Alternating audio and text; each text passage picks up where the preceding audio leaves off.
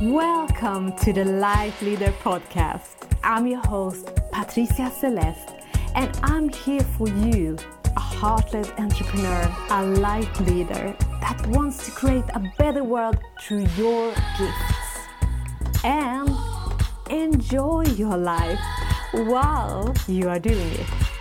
Lovely to have you here.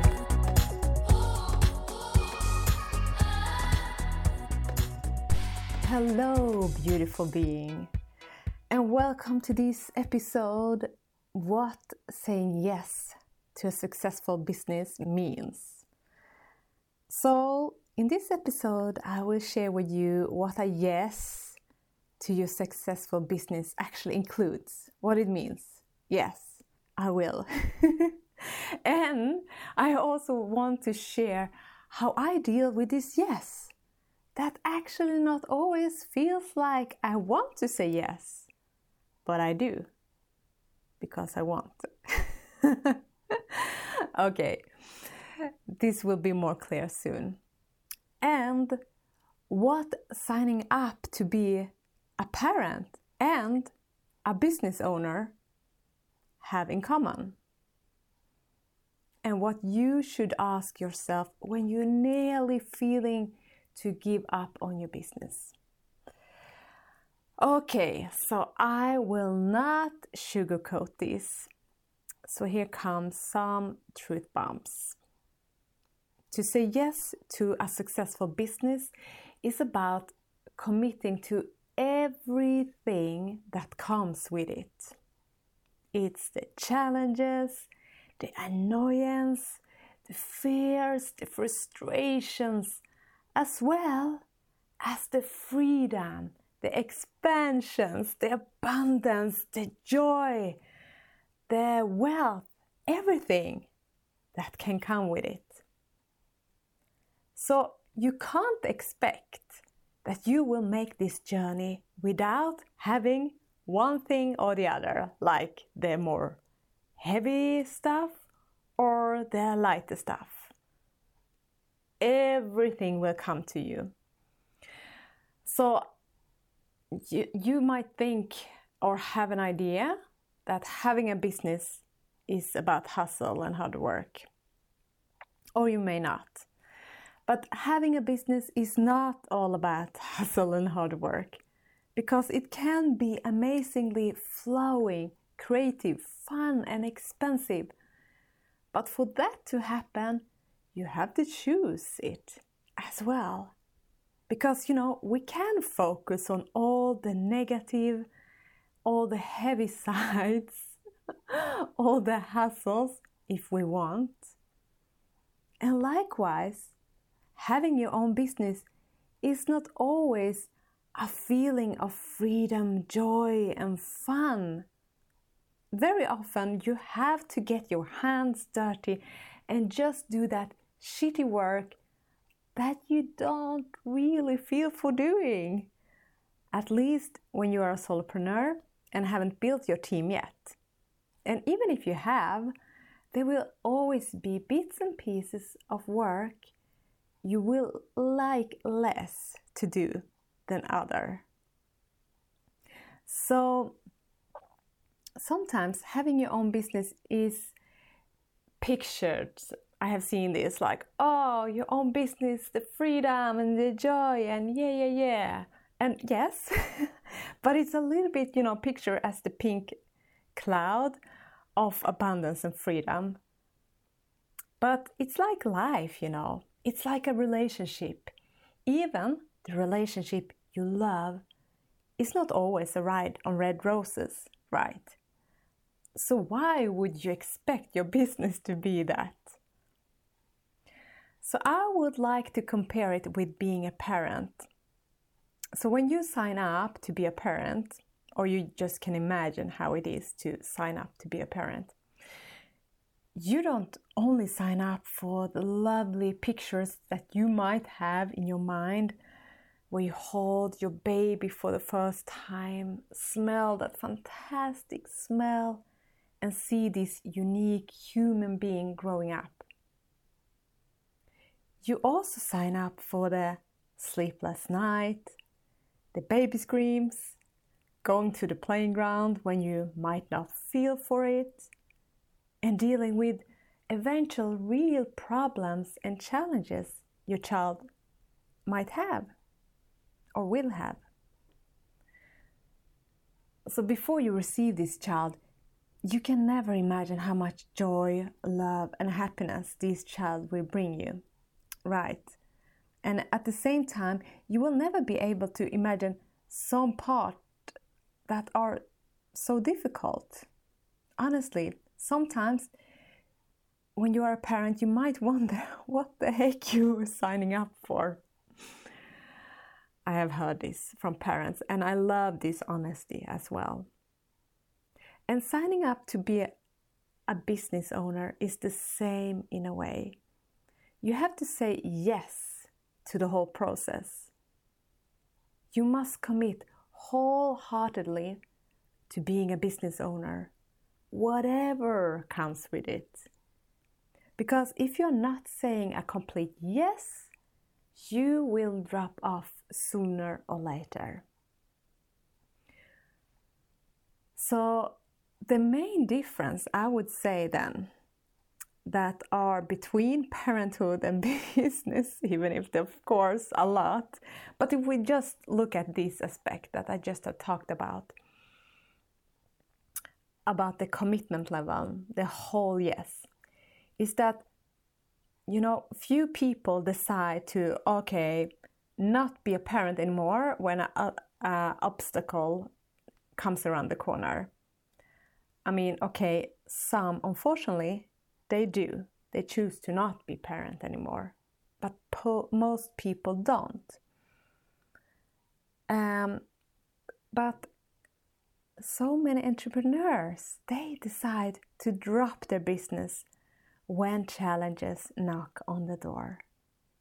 And it will. And it's so much easier to turn your back on your business than to turn your back on your child. Because for your child, you have a stronger emotional bond and feel a big responsibility, which is great. you should. Every parent should. And since every child deserves parents that says fully yes to them when they grow up.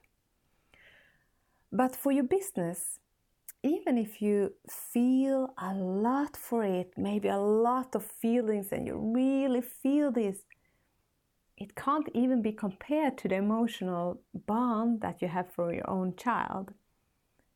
So you can drop your business when you feel that it was more work than expected.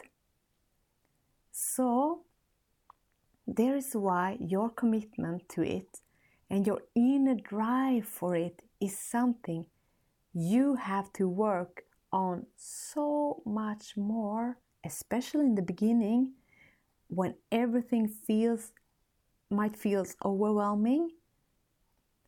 Uh, then the commitment you have to work for being a parent, even if that also can feel like too much work and overwhelming as well.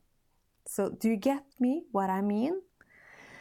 It's so much easier to say, no, I don't want this anymore uh, for your business when you feel there is too much that you didn't expect. So, it can be easy to quit your business in a way, to take a so called normal work instead, to choose what you might see as the more easy solution. But the question is is that really an easier path to go? To choose that normal work? Because if your soul really wants you to create from a place that requires you to have your own business, it will always be there in the background whispering to you reminding you where you actually want to be. Mm? Can you get that? I can totally get this. This was really in the beginning before I decided to be a business owner, I had this kind of feeling. This was this whisper that got louder and louder. So you know, obstacles happens all the time in business. So one example from myself last this last week is this. So to be honest, I haven't been super into Instagram. I have put my energy in other platforms in other ways and I grow from there. But yeah, so I haven't put so much time and energy into creating an account with a lot of content. I have had it, an Instagram account, but not really committed fully to it. But in the last month, I have started to feel more drawn to put time and energy into my Instagram account. It had just, you know, being there in my mind. And I've kind of leading up to it. I've done a lot of other stuff in the meanwhile. So last week, I was like, okay, now it's gonna happen. I'm gonna start to move more into this to create good content here. And I was moving things around with my current account, and suddenly I could not log in anymore to my Instagram account. And even if I got a recent password to my email address, it just didn't work. So, whatever I tried to do, I didn't seem to be able to solve it. And it seems to be difficult yeah to even get some help from instagram itself in this.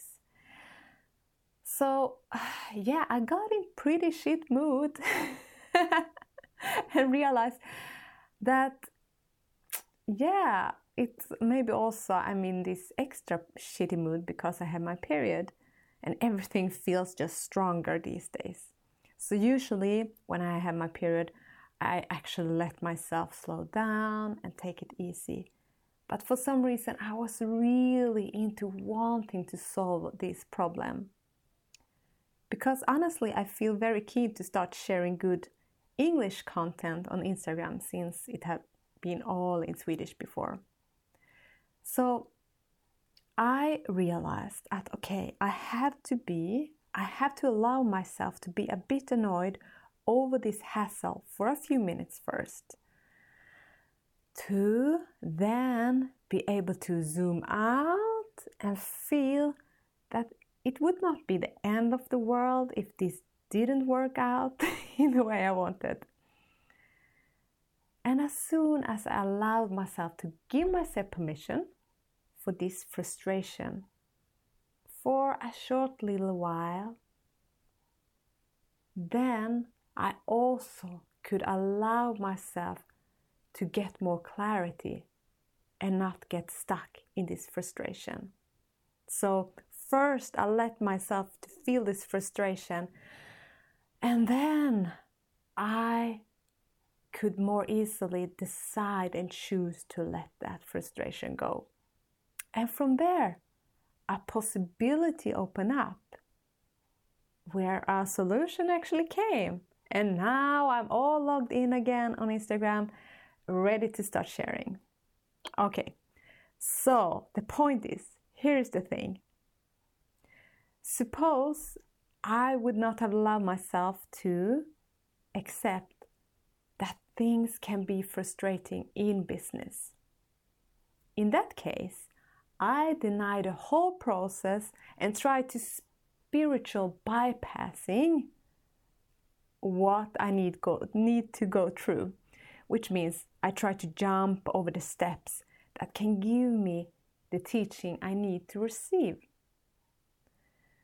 So I have to be prepared that these kinds of annoying things can happen. And when it happens, I will be prepared just to do what I see that I can do without making a big story out of it. Like a story like, mm, this is too complicated, this is not for me, and this should not be like this. Which can, of course, be true that it's not for me, for example. for example, you might find out that doing a podcast was not for you. But before you decide, see if it was your expectations of it that were not realistic rather than this was not your thing. So I will tell you, so many times I have felt something has been too complicated as an excuse that I don't want to get my hands dirty and I don't want to do the thing.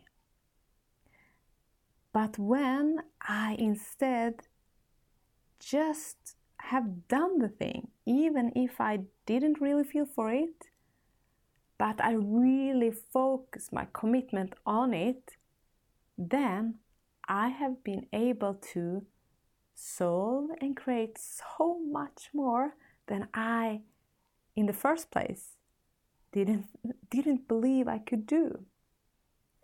So there are also other times, like uh, when it actually wasn't my thing. So that is, for example, when it came to my bookkeeping. I felt it was too draining and not my thing. So I decided to hire someone to do this for me. And I'll tell you what, that was the best decision I could take. But as you see, I didn't give up my business for it. I just found another solution that would help me. So ask yourself when you feel like giving up and not really wanting to do something. Ask yourself, am I avoiding right now? Or is there a better solution to this available? Am I avoiding and I just have to do this because I make a big story out of it? Or is there a better solution? Is there actually this thing I don't want to do and there is a better solution for this available? There's a lot of business in business that we need to learn and that actually being in business and being your own brand can be the most profound personal development course you can do, honestly. Because you really got to meet your fears and your saboteurs and, yeah, false protectors and you, if you really commit and really, really want to grow, you learn to set healthy boundaries for yourself and others. And you learn so much about yourself. And if you don't are ready to meet your fears, your saboteurs in a lovely way, and put these boundaries there will not be flow and joy in your business if you constantly live in this fear. For example, if you constantly live in, oh, what will other people think? Am I good enough? And you just try to do more than you actually have time and energy for. And you try, try to people please. And you might live in the belief that you can't do everything that it takes to have a business. And that is really, really draining because your self belief is in the bottom. So when you invite your big yes to have a successful business, then you welcome all aspects of it. That's what you have to do. You just have to welcome it all with your open arms which means you are willing to transform, you're willing to grow and expand through the challenges that comes. And from that comes growth, which sooner or later will lead you to success. And you will become even more of who you want to be. And if you are in your business for the long term, as I'm definitely are, I'm not going anywhere. And if you are willing to learn and get supported with an open heart, then you can't do anything else than succeed. I promise.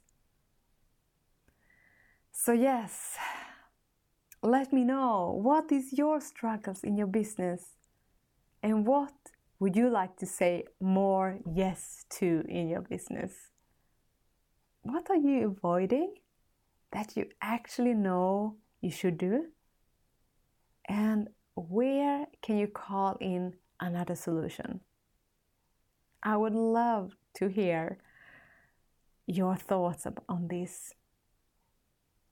So follow me on Instagram and leave me a comment there. You know, now when I'm finally gonna put more time and energy in it. So please join me there. You find me on Patricia uh, Celeste. It's an under slash at um, between Patricia and Celeste. So welcome to say hi. Welcome to share your thoughts and yeah, tell me if this this episode helped you in some way. Because I really want you to succeed in your business because the world really really needs your special gift. So, next time, take care and see you.